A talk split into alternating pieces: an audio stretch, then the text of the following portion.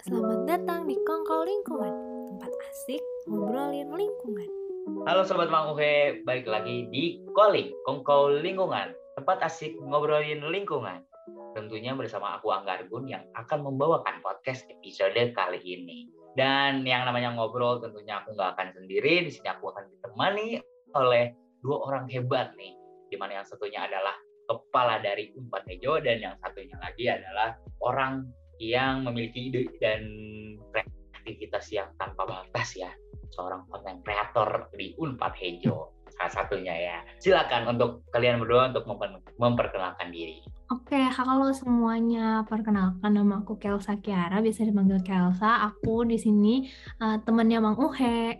Hai semuanya, kenalin namaku Anindya Farhan, bisa dipanggil Nindi. Aku di Unpad sekampus sama Mang Uhe loh. Mantap. Berarti aku ditemani oleh Kelsha dan Nindi nih di episode kali ini. Dan apa sih yang mau kita bahas? Ya tentunya ngebahas soal isu lingkungan. Nah mungkin untuk merefreshkan kembali ya ingatan kita gitu. Mungkin udah lama gitu ya. Siapa tahu dia lupa gitu. Pengen tahu nih, Unpad Hejo itu apa sih? Oke, okay, um, oke Unpad Hejo itu sering disebut sebagai UHE adalah salah satu divisi yang ada di Departemen Lingkungan Hidup BEM Kema Unpad 2021. Nah, UHE sendiri adalah media propaganda yang menyebarkan segala informasi mengenai lingkungan hidup yang, diker yang dikemas secara kreatif dan menarik.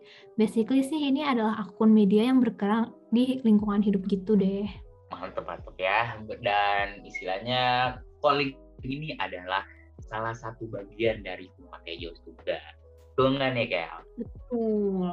Ya, kalau ngomongin soal lingkungan hidup gitu ya, Tejo yang membawakan atau yang terus mengedukasi atau konten-kontennya berisi tentang isu lingkungan, kira-kira seberapa penting sih atau seberapa urgensi sih isu lingkungan untuk terus dipropagandakan atau di isinya disebarluaskan? Mungkin Nindi bisa jawab? Tentunya penting banget dong. Kenapa? Karena di era ini aktivitas manusia itu udah menunjukkan dampak yang sangat masif terhadap perubahan iklim dan adanya kerusakan lingkungan. Contohnya, tingkat kepunahan flora dan fauna ini melonjak jauh di atas rata-rata Kak Angga. Nah, diperkirakan gara-gara adanya hal ini tuh bumi akan kehilangan sekitar 75% spesiesnya dalam beberapa abad ke depan, misalkan kita nggak berusaha untuk mencegahnya. Nah, selain itu juga, karbon dioksida di atmosfer ini meningkat dengan kecepatan paling drastis selama 66 juta tahun terakhir. Wow. Kayak gitu. Makanya kita tuh harus sama-sama mempropagandakan isu lingkungan kayak gitu. Jadi intinya ada sudah ada dampak ya dari akibat adanya kerusakan lingkungan, mulai dari iklim dan lain sebagainya yang tadi juga sudah disebutin tuh dampak-dampaknya. Mulai dari kepunahan flora dan fauna kemudian tadi peningkatan karbon dioksida ya kan? Iya benar. Tadi nih ya soal ngomongin pentingnya. Kita sepakat ya kalau isu lingkungan ini adalah isu yang penting. Setuju? Setuju. Setuju banget. Nah, oke. Okay. nah tapi nih kalian pernah dengar nggak sih statement soal kalau isu lingkungan itu selalu kan dibandingkan isu lainnya. Dan ada yang bilang isu lingkungan itu isu yang kurang seksi gitu, kurang panas untuk dibahas gitu. Mungkin Nindi bisa jawab. Wah, isunya kurang hot ya daripada seblak kayaknya nih. iya, karena salah satu contohnya gini, kita kan di um, Indonesia mungkin ada beberapa media, nah cuman nggak banyak gitu media yang benar-benar membahas dan fokus ke isu lingkungan. Itu mungkin salah satu contohnya gitu di man, yang di pernyataan Kang Angga tadi kalau misalkan isu lingkungan itu sering di nomor dua kan dibanding isu-isu lainnya. Padahal semestinya isu lingkungan ini diletakkan berdampingan atau bahkan lebih daripada isu-isu lainnya. Kenapa? Karena kita kan manusia tinggal di bumi. Sedangkan bumi itu objek yang permanen dan juga ob objek yang statis bukan objek yang dinam eh objek yang uh, dinamis gitu jadi apa pun yang kita lakukan itu pasti akan berdampak kepada um, keberadaan apa namanya keberlangsungan kehidupan di bumi jadi nggak akan ada tuh namanya isu-isu politik, isu-isu kampus, apa pun itu kalau misalkan lingkungannya sendiri nggak ada. Jadi sebaiknya isu lingkungan ini benar-benar diperhatikan sama kita semua dan benar-benar saling mempropagandakan isu lingkungan kayak gitu. Iya juga sih karena istilahnya lingkungan sendiri itu berdampak gitu dari apa ya istilahnya berdampak ke semua hal gitu. dan kalau lingkungan rusak juga yang kita bakal tinggal di mana kita bakal nggak nggak akan merasa nyaman istilahnya nih ya kalau kita banyak duit tapi kalau lingkungan rusak mah percuma nggak sih? Iya, Betul percuma gak? dong. Iya bener jadi percuma kalau misalnya kita ngelupain uh, lingkungan yang faktor terpenting dalam hidup kita gitu. Betul banget nih, Kel. Terus nih ya tadi soal udah dapet apa ya pandangan itu ya tentang isu lingkungan yang di nomor sekian kan. Kira-kira nih mungkin Kelsia kali ya tahu gitu. Seberapa tertarik sih Kema itu terhadap isu lingkungan gitu? Oke, kalau misalnya um, ngomongin seberapa tertarik Kema Unpad terhadap isu lingkungan sih, uh, ada nih dari hasil survei minat terhadap isu lingkungan yang kemarin dilakukan oleh Biro Riset dan Data BEM hasilnya adalah lebih dari setengah responden Kema Unpad merasa tertarik terhadap isu lingkungan. Bahkan mereka juga banyak yang tertarik banget. Kebanyakan sih karena mereka merasa penting untuk menjaga lingkungan. Terus Nah, mereka juga ngerasa bahwa permasalahan lingkungan itu adalah hal yang sangat kompleks. Tapi ada juga nih yang menyatakan kalau mereka belum terlalu paham akan kondisi lingkungan yang ada. Nah, makanya uh, Unpad Hejo atau UHE hadir sebagai kanal atau platform yang menyediakan informasi terkait lingkungan. Karena menurut aku hal-hal yang terkait uh, lingkungan itu tuh masih belum dapat dipahami dengan baik oleh masyarakat luas gitu kan. Karena penjelasan dari hal-hal yang terkait lingkungan itu masih terlalu saintifik atau menggunakan bahasa yang tinggi deh. Makanya uh, UHE atau Unpad Hejo memberikan penjelasan terkait isu lingkungan dengan bahasa yang nyantai dan bahasa sehari-hari yang bisa lebih mudah dipahami oleh masyarakat gitu. Oke, berarti intinya untuk Kemah Unpad sendiri sudah banyak ya intinya yang tertarik, ya enggak kayak? Iya benar banget, udah banyak yang tertarik. Tapi masih ya. masih malu-malu kucing gitu loh, malu-malu kucing kayak mereka masih belum berani untuk menyuarakan gitu. Waduh, sebenarnya sangat disayangkan ya untuk apa ya sobat Mang Uhe nih ya terutama gitu yang udah tertarik tapi kurang menyuarakan gitu loh. Padahal dengan salah satunya ya dengan menyuarakan itu juga sama aja membantu gitu untuk menjaga lingkungan setidaknya kita bikin apa ya saya kita menyebarkan dulu nih pemahaman tentang yuk kita jaga lingkungan dulu gitu loh biar mereka paham apa yang mereka lakukan ini bisa berdampak ke A B C D F G gitu. Jadi mereka juga nggak akan apa ya dalam beraksi pun kayak nggak ngawang-ngawang ini buat apa ya? Ini buat apa? gitu. Karena emang harus diawali dengan edukasi. Ini ya nggak sih Delsia sama Nindi nih? Bener ya. banget kak. Tuh banget kak enggak nih ya aku juga mau nanya nih. Kita-kita nih ya, kan sebagai mahasiswa. Mahasiswa disebut juga sebagai agen of change. Di mana tentunya mahasiswa ini apa ya berkontribusi gitu ya, berkontribusi untuk perubahan yang ada di terutama di Indonesia deh. Menurut teman-teman ya atau dari Kelsey dan Mindy kira-kira apa sih yang harus dilakuin mahasiswa gitu loh untuk baik dalam hal edukasi hingga ke aksinya. Mungkin dari Kelsia dulu gitu. Oke, kalau dari aku yang paling pertama adalah kita harus tahu dulu tentang isu lingkungan.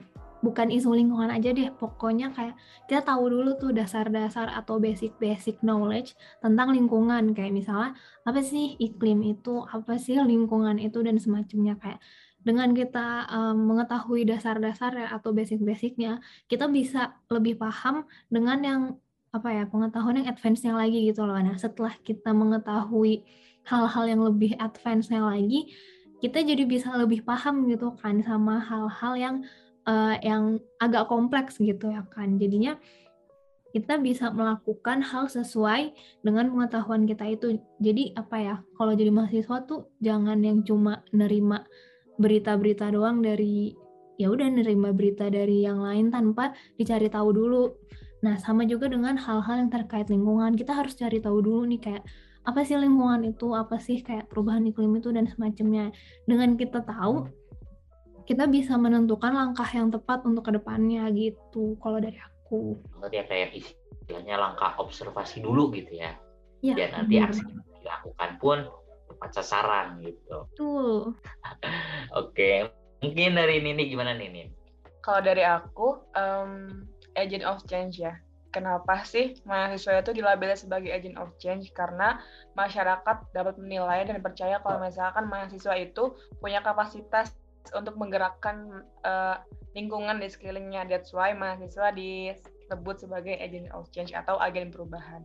Nah, di samping itu teman-teman Mang Uhe juga pasti pernah kan dengar kayak merdeka sejak bulan pikiran gitu itu tuh bener teman-teman karena apa pun yang kita lakukan itu harus bersumber dari pikiran kita sendiri dulu. Jadi pikiran kita itu perlu dikondisikan untuk uh, hal tertentu. Jadi yang bisa dilakukan teman-teman OH di sini yang pertama jadikan keadaan lingkungan itu sebagai prinsip di dalam di dalam pikiran kita. Jadi karena karena di dalam pikiran kita udah tertanam kalau apa pun yang aku lakuin itu harus berdampak baik ke lingkungan, nanti akan berpengaruh tuh ke tindakan. Jadi kita akan menciptakan habitat yang ramah lingkungan karena kita udah punya prinsip yang ramah lingkungan tadi di kepala kita. Kalau misalkan kita udah berhasil menciptakan habitat yang ramah lingkungan, pasti orang-orang dapat menilai dan bisa bisa dijadikan contoh kalau oh ternyata gampang loh untuk hidup ramah lingkungan itu karena kan di masyarakat itu sebagian besar aktivitasnya itu ber, uh, berpotensi untuk merusak lingkungan kayak misalkan penggunaan kantong plastik, penggunaan kendaraan bermotor dan lain sebagainya. Tapi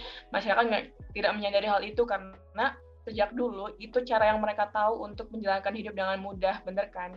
Nah, jadi ketika kita udah bisa berhasil bikin habitat yang ramah lingkungan di, di, di wilayah hidup kita sendiri, dan dilihat dari dilihat oleh masyarakat sebagai contoh yang baik pasti uh, kita bisa untuk mencipta, menciptakan ekosistem yang ramah lingkungan. Karena kita bisa uh, karena itu tadi karena kita bisa menjadi contoh dan kita tahu apa yang kita hal mana sih yang berpotensi untuk uh, men, untuk menjaga lingkungan hal mana sih yang berpotensi untuk merusak lingkungan. Jadi itu tadi teman-teman. Mulai dari hal yang fundamental yaitu memberi makan pikiran kita dengan prinsip-prinsip yang ramah lingkungan mantep banget itu. Ada insight-nya juga ya ada ajakan juga dan tentunya bener ya eh, mahasiswa gitu ya. Mahasiswa kan bisa dibilang kuliah gitu kan kuliah S1 dan mengerjakan berbagai macam tugas terus juga di apa istilahnya dilatih untuk kreatif dan lain sebagainya.